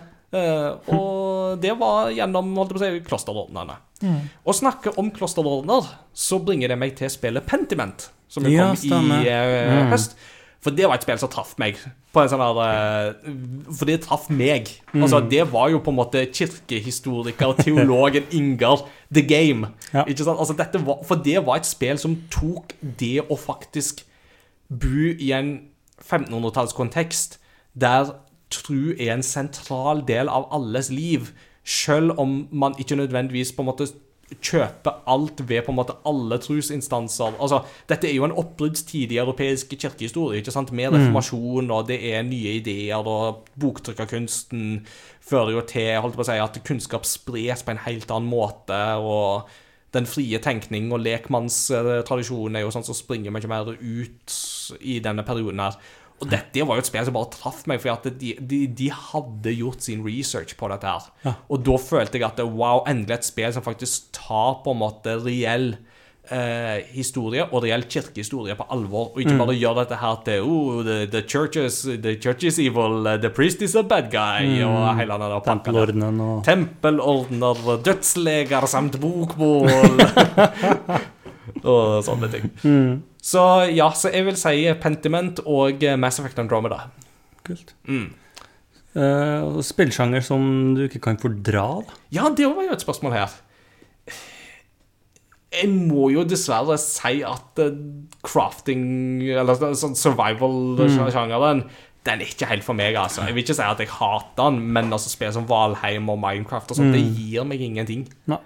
Det gir meg så lite. Det gir meg veldig, veldig lite. Mm. Um, og Det tror, igjen, jeg ganske, og- og- det tror jeg ganske mange her har gjetta allerede. Ja, ja. Men, men, også, da liksom sportsspill. Ja. Altså, hvis det ikke er baseball, så har jeg veldig lite interesse. Baseball og golf, det kan jeg gå med på, alt Mario Sports. Ja, ja, men altså Mario-spill det teller liksom ikke i den der pakka der, vil jeg jo si. Så, men altså Ja. Så jeg prøver å være altetende, men akkurat det fenger meg nok ikke helt, nei. Mm. Enn eh, du, da, med spillsjanger? Jeg sliter nok med, med spill hvor det er veldig mye lesing og lesetekster og ja, lange samtaler. Der, eh, for det første, jeg kan jo synes det er litt slitsomt og skal lese veldig mye. eh, Og blir fort utålmodig. Så det er veldig mange av spillene som du snakker veldig høyt og langt fram, og liksom bare åh, Som du priser. Når du snakker om det, så sitter jeg og kjenner at hm, det er ikke for meg, altså. Ja. Og da er spesielt veldig mange av JRPG-spillene er jo der. Mm. Eh, hvor du bare Oh my days! Det her det, altså det er så bra, liksom. Det har så sinnssykt bra historie. Og når den liksom Ja, så bare sånn Så du sitter og leser i en kjære ven.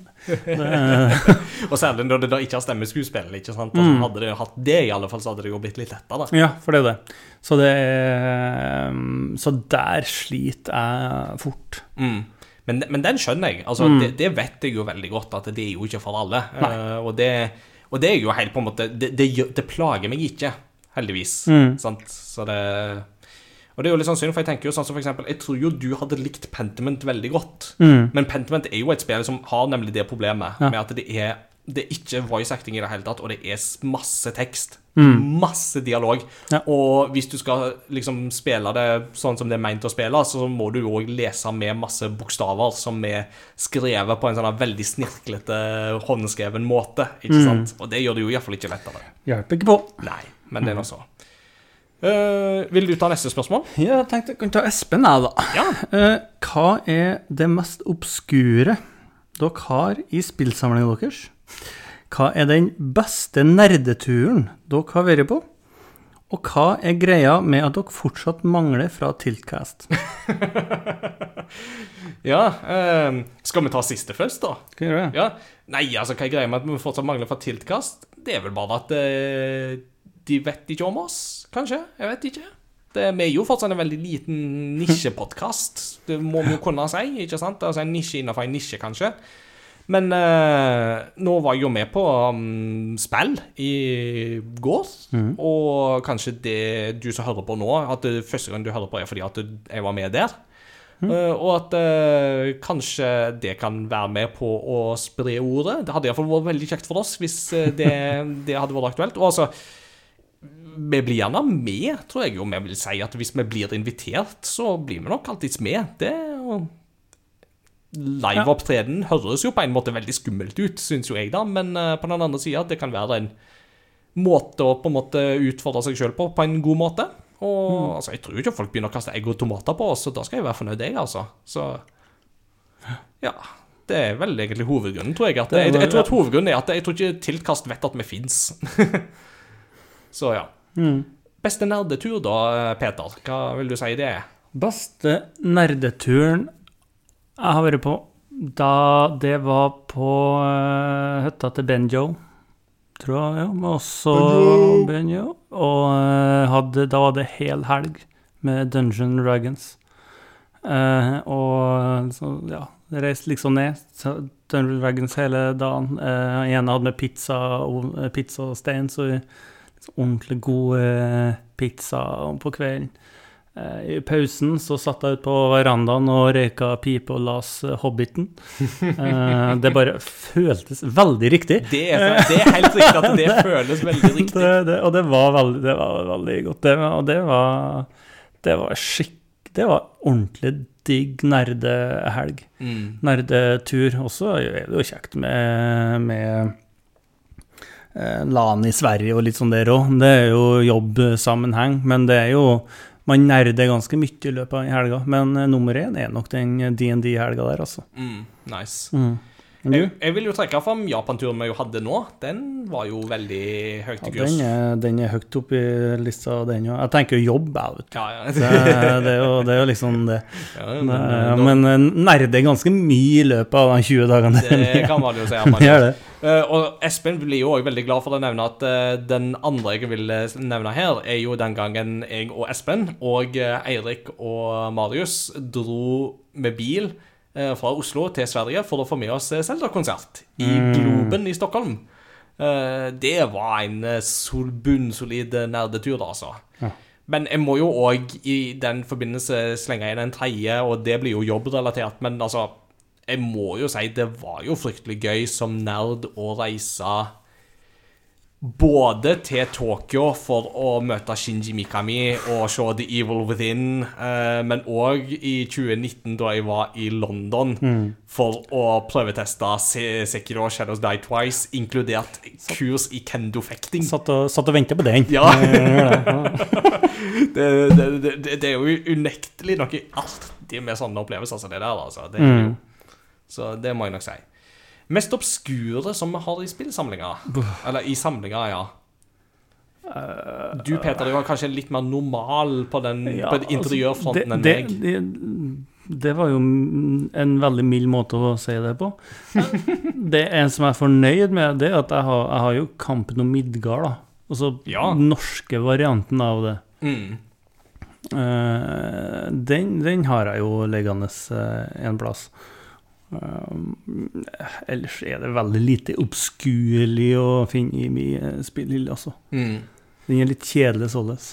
Mens eh, hos meg så er det mer problem at jeg må jo få plass til alle de der obskure tingene som jeg har. Men jeg tror jo Ja. kanskje Det er vanskelig å si. altså Det kommer jo helt an på hvem du spør hva som er obskurt her eller ikke. ikke sant? Men jeg tror jo kanskje det mest obskure må jo være det jeg har av Virtual Boy-ting og tang. Altså Bare det at jeg har en Virtual Boy, er jo obskurt nok i seg sjøl, men at jeg bare mangler fire spill i den samlinga for å ha komplett samling, det, det er jo kanskje obskurt, det òg, da. Det verste er jo at de fire spillene jeg mangler, de er jo sjeldne og dyre som fy, så de kommer nok sikkert aldri til å bli lagt til i den samlinga. Dessverre. Du har, ja, du har for så vidt og hele Har du alle Wii Jeg har alle Wii U-spill som Ja. er gitt ut fysisk i Europa. Det er jo òg ganske obskurt. Ja, ja, det er, det er obskurt, men jeg syns ikke det er det mest obskure som jeg har. Nei, nei, nei. Det tror jeg ikke. Imponerende, kanskje. Mm.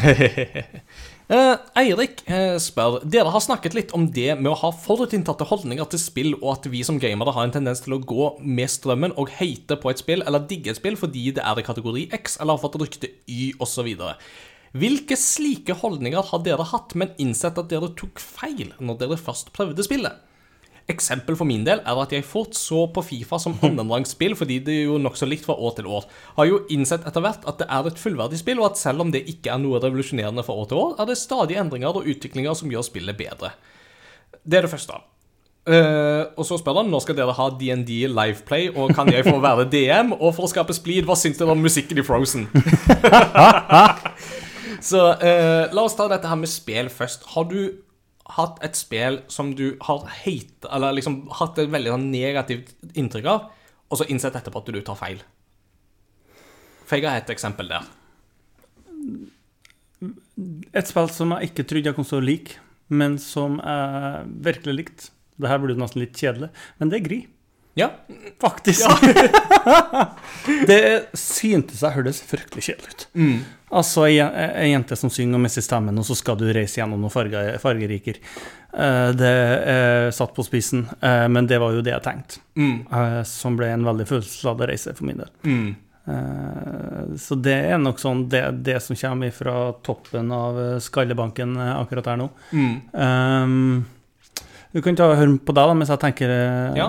For, for ett spill som jeg jo måtte tenke litt på, eller to spill for så vidt, da, som jo henger på en måte litt tett sammen, det er jo Doom og Wolfenstein. Ja. Eh, og da kanskje særlig Doom. var jo sånn spill som jeg på en måte bare tenkte For at sånn som Doom 3 var jo liksom det jeg på en måte huska mest av fra min egen ungdomsskole, videregående tid. Så liksom veldig sånn veldig skummelt og veldig mye gang, bang, bang, skyte, skyte og sånt. Og da hadde jeg jo null interesse av den slags type ting. Og så hadde du liksom det nye Doom som skulle komme, at det liksom bare var på en måte Doom var, var veldig sånn i periferien for meg. For, som en sånn der, Ja, men kan det, um, det kan da umulig være så bra. Og har du hørt på denne podkasten noen ganger, så vet du jo hvor glad jeg er blitt i Doom i ettertid. Det, det, det er jo bare Klikk, klakk, klikk, klakk.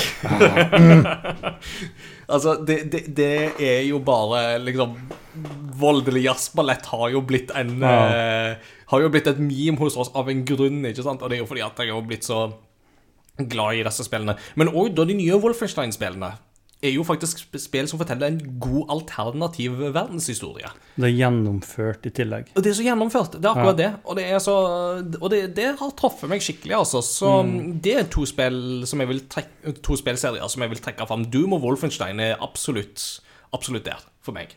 Jeg kom på, jeg kom, jeg kom på ett til. Eh, det jeg, jeg, må, jeg, jeg tror jeg antageligvis er den eh, eh, som snakker Som misliker zombier eh, og fortsatt snakker mest positivt om det i hele Norges land. Eh, for jeg er fortsatt ikke noe glad i zombier, men jeg føler at jeg har snakka om zombier hver eneste fricking time. Eh, to spill. Mm. Uh, en er Last of Us. Mm. Det begynte jeg jo på. Hadde en to måneders pause, for jeg Åh, jeg, jeg klarte ikke å bli fanga, og holdt på å flippe hver gang jeg hørte eh, lyden av en zombie.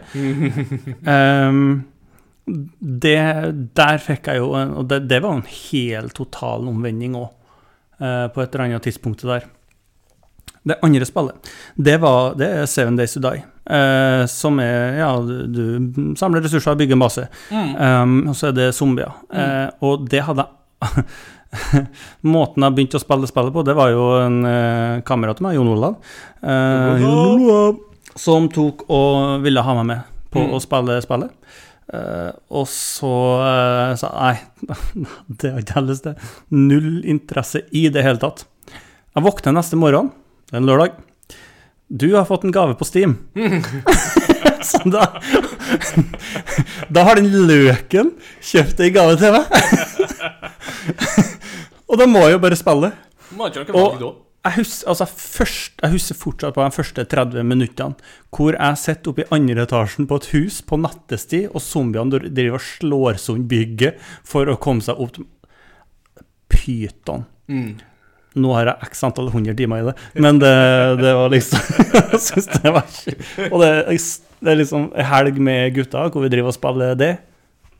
Nydelig. Mm. Men det hadde jeg aldri i verden spill hadde ikke jeg våkna neste morgen med at du har fått et spill på Steam. Nice, nice, nice. Så det, ja.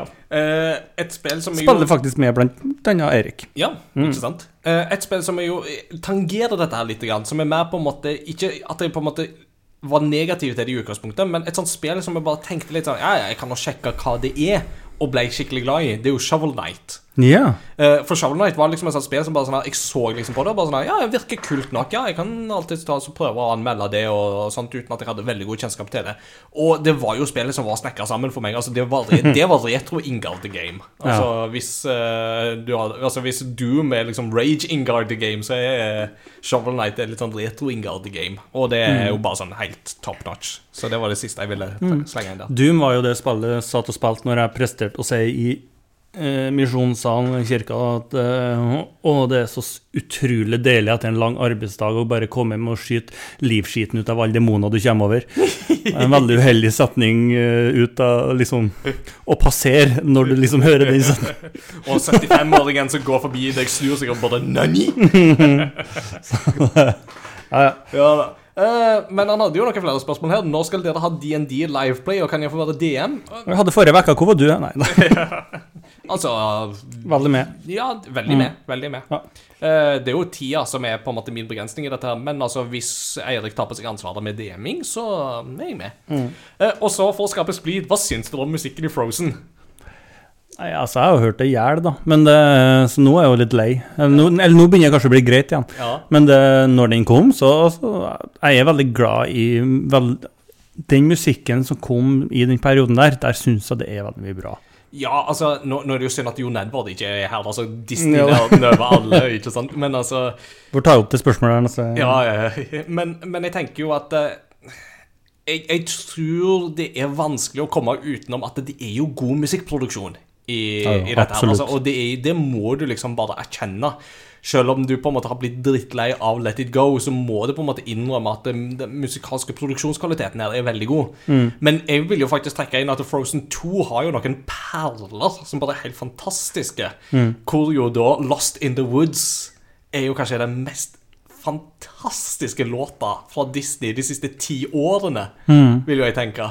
Og grunnen til det er jo fordi at jeg er jo ikke bare Queen-fan, men jeg er jo òg veldig fan av Chicago. Og da særlig av på en måte Peter Cetera-perioden til Chicago. Stem. Og den Lost in the Woods er så spot on parodiering på den musikalske sjangeren der at jeg satt jo og flirte så jeg holdt på å dette av sofaen nesten. Fordi, jeg synes, fordi dette her var bare så på en måte bra produsert med den der koringa og melodilinjene og alt sånt. Så det var sånn her Ja, så jeg, jeg kan ikke snakke vondt om musikken i Frozen. Det, de filmene har mer narrative problem, vil jeg si, enn musikalske problem. Så, Altså, jeg, jeg klarer fortsatt ikke å huske hva Frozen 2 egentlig handler om, eh, sånn handlingsmessig. Frozen Ikke 1 er sånn tålelig greit, men ja. Men, men uh, musikalske, det så jeg må si jeg liker det, og jeg har ikke kids engang. Fryktelig kjedelig splid det her ble, da. Det, det, det er sånn når to, to NLM-ere driver og diskuterer teologi, og begge er enige om alt. Ja, Eh, hva tenker du om vanlig gjennombrudd? ja, det var liksom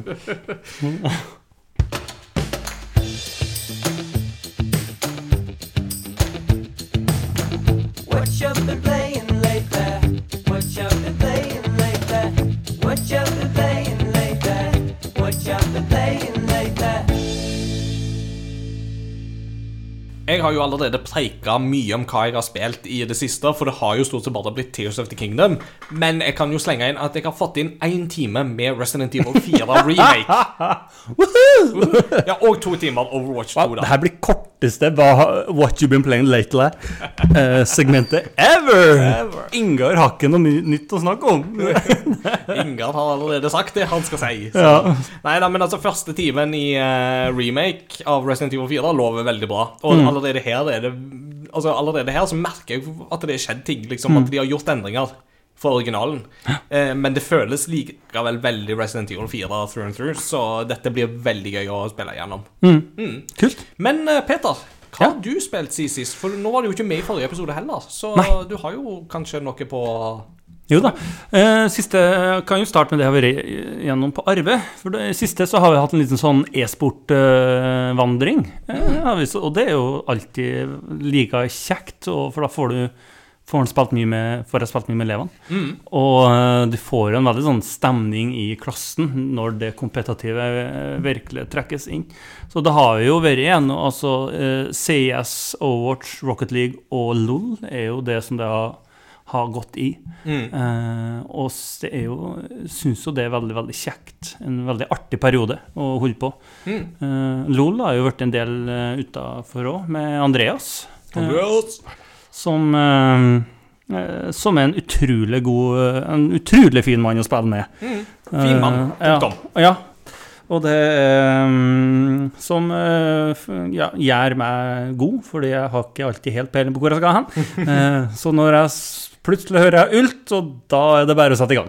Så det, Det er jo noen som eh, jo ut ifra Ari i LOL, så hadde du jo What does the fox say? Når den Ja. var hit, så var det What does the fox say? Midlane or AFK noobs? Yes. Så det er veldig, veldig kjekt. Så jeg har spilt litt mer Hogwarts Legacy. Nå har jeg Altså, jeg har funnet Map Chamber fire ganger. Jeg har gjort all achievement. Men jeg har en bug som gjør det, så den ikke registrerer det siste. Den- Fuckings! Den, den er der fortsatt. Ah, jeg må klikke! Altså, så, så jeg har altså funnet alt som skal finnes. Og, men eh, det står, det står da at jeg mangler én. Sjekker du inventoryen, der er den. Sjekker du kartet, der mangler er den fortsatt òg. Og derfor får jeg ikke de siste. Ja. Åh, det er trist. Og jeg har jeg testa da, på siste gjennomspilling, bare så fort jeg fikk sopelimet. Rett ned, prøv å ta den. Forsvant igjen. Ja, det gjorde den. Men ikke på den der den skal. Åh. det er trist. Nå er jo det faktisk ute på det- de gamle konsollene. Ja, stemmer. Ikke på Switch, da. Det kommer jo seinere igjen. Ja, det er jo i sommer. Ja. Fryktelig spent på hvordan det er Det er veldig spent ja. Så det, nei. Så det er, Så nå så er det ikke så mye mer jeg kan gjøre, bortsett fra å ta og gjennomføre det en gang til, tydeligvis. Så det, men det blir en Ja. Once more with feelings. Åh. Så det er Så nå er, nå er jeg nok ferdig med det. Ja. Um, og så har jeg begynt på eh, Jedi Survivor. ja, for det er jo et spill som jeg jo ikke har rukket å begynne på. nei, nei. nei. Så nå, nå tenker jeg at jeg skal bare snakke om det, da, så at du alltid skal snakke om ting som jeg ikke Mario og Zelda og Ja. Mm.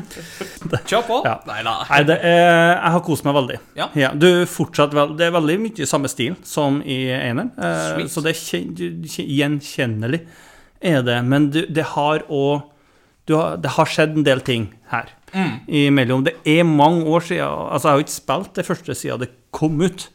Det er vel fem år imellom de to spillene, Ja, sånn det altså, er- internt i, um, i storyen, har jeg skjønt. Mm. Så, det, så det, er, det er ting som eh, har, eh, har skjedd her. Eh, Jeg liker veldig godt eh, en del ting som har tatt videre, og nye karakterer og sånt. Eh, Og um, koser meg veldig, veldig med det. Føles fortsatt veldig digg. Verdenene Det er litt mer åpen verden Ja. enn eh, det første. om ikke For første, da var du ganske låst i uh, områdene som du sprang i. Du hadde ikke veldig mye frihet, men her så har du ganske mye frihet til å forske ut sjøl. Så gøy. og gjøre en del andre ting. Eh, så, så da har jo jeg plutselig mye arbeid foran meg.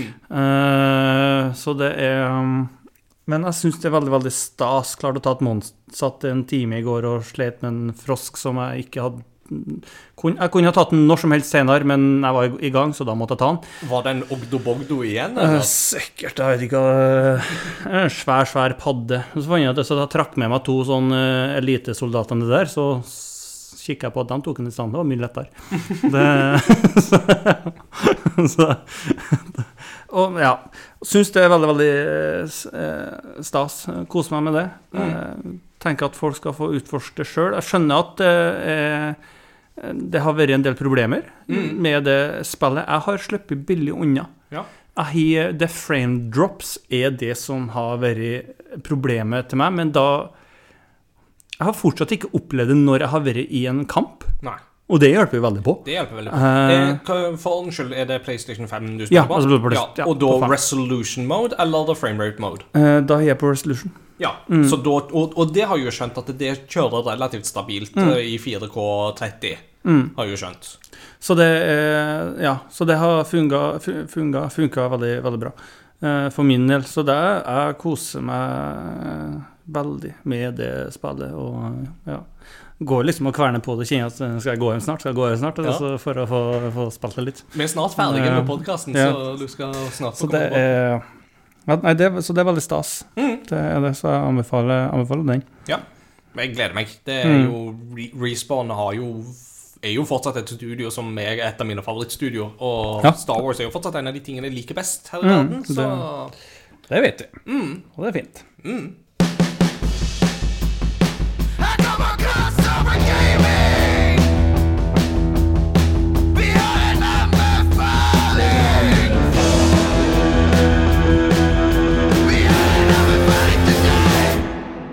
Ja, hva, hva skal vi anbefale i dag, Peter? Hvem skal anbefale hva, og hva skal vi anbefale hvor? Ja, hvor, det er jo til lytterne, men Tenkte at jeg skulle ta anbefalinger. ja.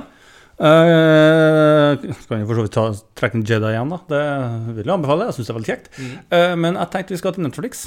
Ja. For der er det en serie som heter 'Hvordan bli en tyrann'. Ah, Så yes. nå er det bare å høre etter, gutta. Det, mine herrer og damer, hvordan blir du Stick with me, ladies and gentlemen. The story gets better. Uh, Det er da en serie eh, som er lagd utrolig festlig måte. eh, og hvor de rett og slett går gjennom eh, Hver episode har et eget tema. Hvor du da eh, får høre om Hvor de snakker om en spesifikk eh, diktator, en tyrann. Eh, hvor du da oppdager at så alle de største vi har hatt, har fulgt basically den samme oppskrifta, med bare noen få nyanser. Ja. Som, eh, som er ganske interessant. Det er ikke en lang serie. Det, vi snakker seks episoder på 30 minutter per. Ja, det Så det er, ikke et, det er ikke en lang eh, Men da har du liksom Du har Gaddafi, du har Hitler, eh, du har Kim eh, dynastiet, ja. eh, og liksom Og Stalin og hele pakka. Som da Altså, første episode er Grip makta. Mm. Hvordan de gjorde det, og hva var det som var årsaken til at de lyktes. Eh, og hvordan de bruker økonomi, hvordan de bruker den makta som de da først har fått tak i, til å Episode to fjerne rivalene dine, osv., osv. Mm. Um, lagd utrolig bra, uh, syns jeg. Og det er sånn eh, Høres kanskje litt sånn sadistisk ut, men det er en serie som har kost meg litt med. Det, Det er jo ikke mer holdt på å si sadistisk det enn å kose seg over det å komme hjem etter en lang arbeidsdag og skyte demoner i fjeset. Jeg vil faktisk si at det er, mer, det er mer greit å skyte demoner i fjeset enn å kose meg med diktatorer som har, Ja. har fått makta. Jo, jo, enig. Ja, takk så, så, så da har vi fått etablert det. Doom er mer uh, hellig og andektig enn Yes. eh, å være en eh, Kan du få noe mer kristelig ennå? ja. Du kan jo ikke det! Altså, sky, du må jo skyte de hvis de kommer. Mm. Ja, da. Så det, ja. Nei, så da vil jeg anbefale den. Jeg syns det, jeg syns det er en festlig og god serie. Hvordan bli en tyrann Hvordan bli en tyrann. på Netflix. Mm. For dette er en hebreke pachinko-kontroller til Super Nintendo. It's curiosity. What are you gonna show to me? It's curiosity. What a neat thing to know. It's curiosity. What are you gonna show to me? I haven't even heard of it. What a neat thing to know. It's a great part of the show. Jeg tenkte jo det at når vi har hatt Selda Zelda som hovedtema, så må vi jo ha en Zelda-kuriositet. Eh, og der fins det jo mye å ta av. Men jeg tenkte jeg ville ha en Pila opp i hivet. Men jeg tenkte jo at jeg ville jo ha en Zelda-kuriositet så kanskje snakker litt ekstra til deg, Peter. Okay. Og en person som jeg jo vet at du har en veldig forkjærlighet for, det er jo Robin Williams. Eh, Good Morning Vietnam, Mrs. Downfire. Genie uh, Legenden. Legenden, The Man, The Myth, The Legend. Impro Ja. master. Yes. Impro, ikke minst. Det, er altså, Det er så mye bra! Herlighet, det er så mye bra. Men eh, han, han hadde jo en datter, Ja. og hun heter jo Zelda Williams. ja. Og det er jo ikke tilfeldig at hun heter Zelda Williams, fordi de har jo fortalt det at da uh, Robin og kona venta uh, ei jente, så satt de og spilte Zelda i, under graviditeten. Det Ja. første The Legend of Zelda. Og som sant. en følge av det, så bestemte de seg for å kalle opp dattera si etter dette spillet. How about that? How about that? Og det ble jo brukt eh, faktisk med at far og datter eh, ble jo da dukka jo opp i promoteringa til et av Zelda-spillene. og det skulle ja. jeg ha sjekka på forhånd hvilket av de det var, men jeg tror det var Skyward Sword. Mm. Eh, enten det eller A Link Between Worlds. Så en, enten eller. Ett av to er sikkert riktig. Det må jo være menn som fortsatt levde, naturligvis. Det Men, hjelper eh, på. Og det er derfor jeg tror at det må være et av de to. Mm. Så how, how about that? Kult. Og med det så har vi kommet til veis ende i dagens episode. Og da skal vi kjøre litt uh, trailermusikk fra The Legend of Zelda Tears of the Kingdom. Og bare mens eh, jeg prøver å slå opp hva, hvem som var komponistene i det spillet, så skal Peter fortelle dere hvorfor, hvordan man lager en cortado. Så en cortado, det er da eh, Det betyr halvt om halvt. 50-50. Så en cortado, da har du da en eh, espresso. Enkel dobbel, det bestemmer du sjøl. Eh, og så har du 50% espresso, 50 stima melk, gjerne med litt melkeskum på toppen, for der er det søte smaken i melka. det den finner der. Så det er egentlig en kan, Du kan sammenligne med en sterk cappuccino, og cappuccino er jo litt eh, mer kjent. Eh, Hvis at jeg, du arbeider i en kaffebar, og jeg kommer og sier jeg skal ha det vanlige, eller jeg skal ha min favoritt, da er det snakk om en dobbel cortado. Mm. Så det er min favorittkaffe. Nettopp. Og dette lærte jo du eh, noen av baristene i Tokyo å lage, så det var jo veldig gøy. Det stemmer. Da vi bodde, i, eh, da vi bodde på Kimi-Yokan i Tokyo, så der de òg drev en kafé, så lærte vi de å lage cortado. spør du om de hadde cortado? Nei, det hadde de ikke hørt om før. Nei, Nei, ka, ka, eh, har dere lyst til å prøve å lage det, da? Ja, det har de lyst til. Og da ble det mye gratis kaffe, da, for det måtte, det måtte jo testes. Ja, ja, ja. Så det var, men den var, de fikk til den, og den var fenomenalt god. Så er dere på Kimi i, i Tokyo. Mm. Spør om dobbel cortado- Uh! Yes. Kimi Ryokan i Ikebukuro i Tokyo der, altså. En ekstra anbefaling, yep. om du vil. Uh, og da fant jeg jo da ut at komponistene til Tears of the Kingdom, det er Manaka Takaoka Nei, Kataoka, var faktisk. Manaka Kataoka, Masa Miyoshi, Masato Ohashi og Tsukasa Usui. Som man skulle sagt det sjøl. Som man skulle sagt det selv. Eh, og dette er bare det jeg liksom finner kjapt etter liksom slår på Wikipedia, men det- jeg tror det var liksom et et par ekstra komponister inne i bildet her òg, og det er jo mange gamle komposisjoner som blir brukt i det spillet. Så, men da har vi i alle fall calla de ut, iallfall. Folkens, utrolig at dere tok dere pause fra Tears of the Kingdom for å høre på denne episoden. Det setter vi veldig pris på. Kanskje du... sitte og høre på mens han spiller? Det, ja, men det er ikke lov. Nei, det er ikke lov. Med Tears of the Kingdom så er ikke det lov. Det, eh, da må det være andre spill. Skru oss av nå! Ja, Litt sent, men, Men, men før du skrur oss av, så vil vi veldig gjerne at du sjekker ut våre sosiale mediekanaler, sånn som Facebook og discorden vår, som du da finner lenker til på crossovergaming.no. Eh, anbefal oss til dine venner og kjente. Hvis du er førstegangslytter av ulike årsaker, må gjerne sende send tilbakemelding på hva du syns. Eh, Enten da gjennom sosiale mediekanaler, eller send oss en e-post, eller eh, bare skriv direkte til oss på Messenger, eller et eller annet i den duren der.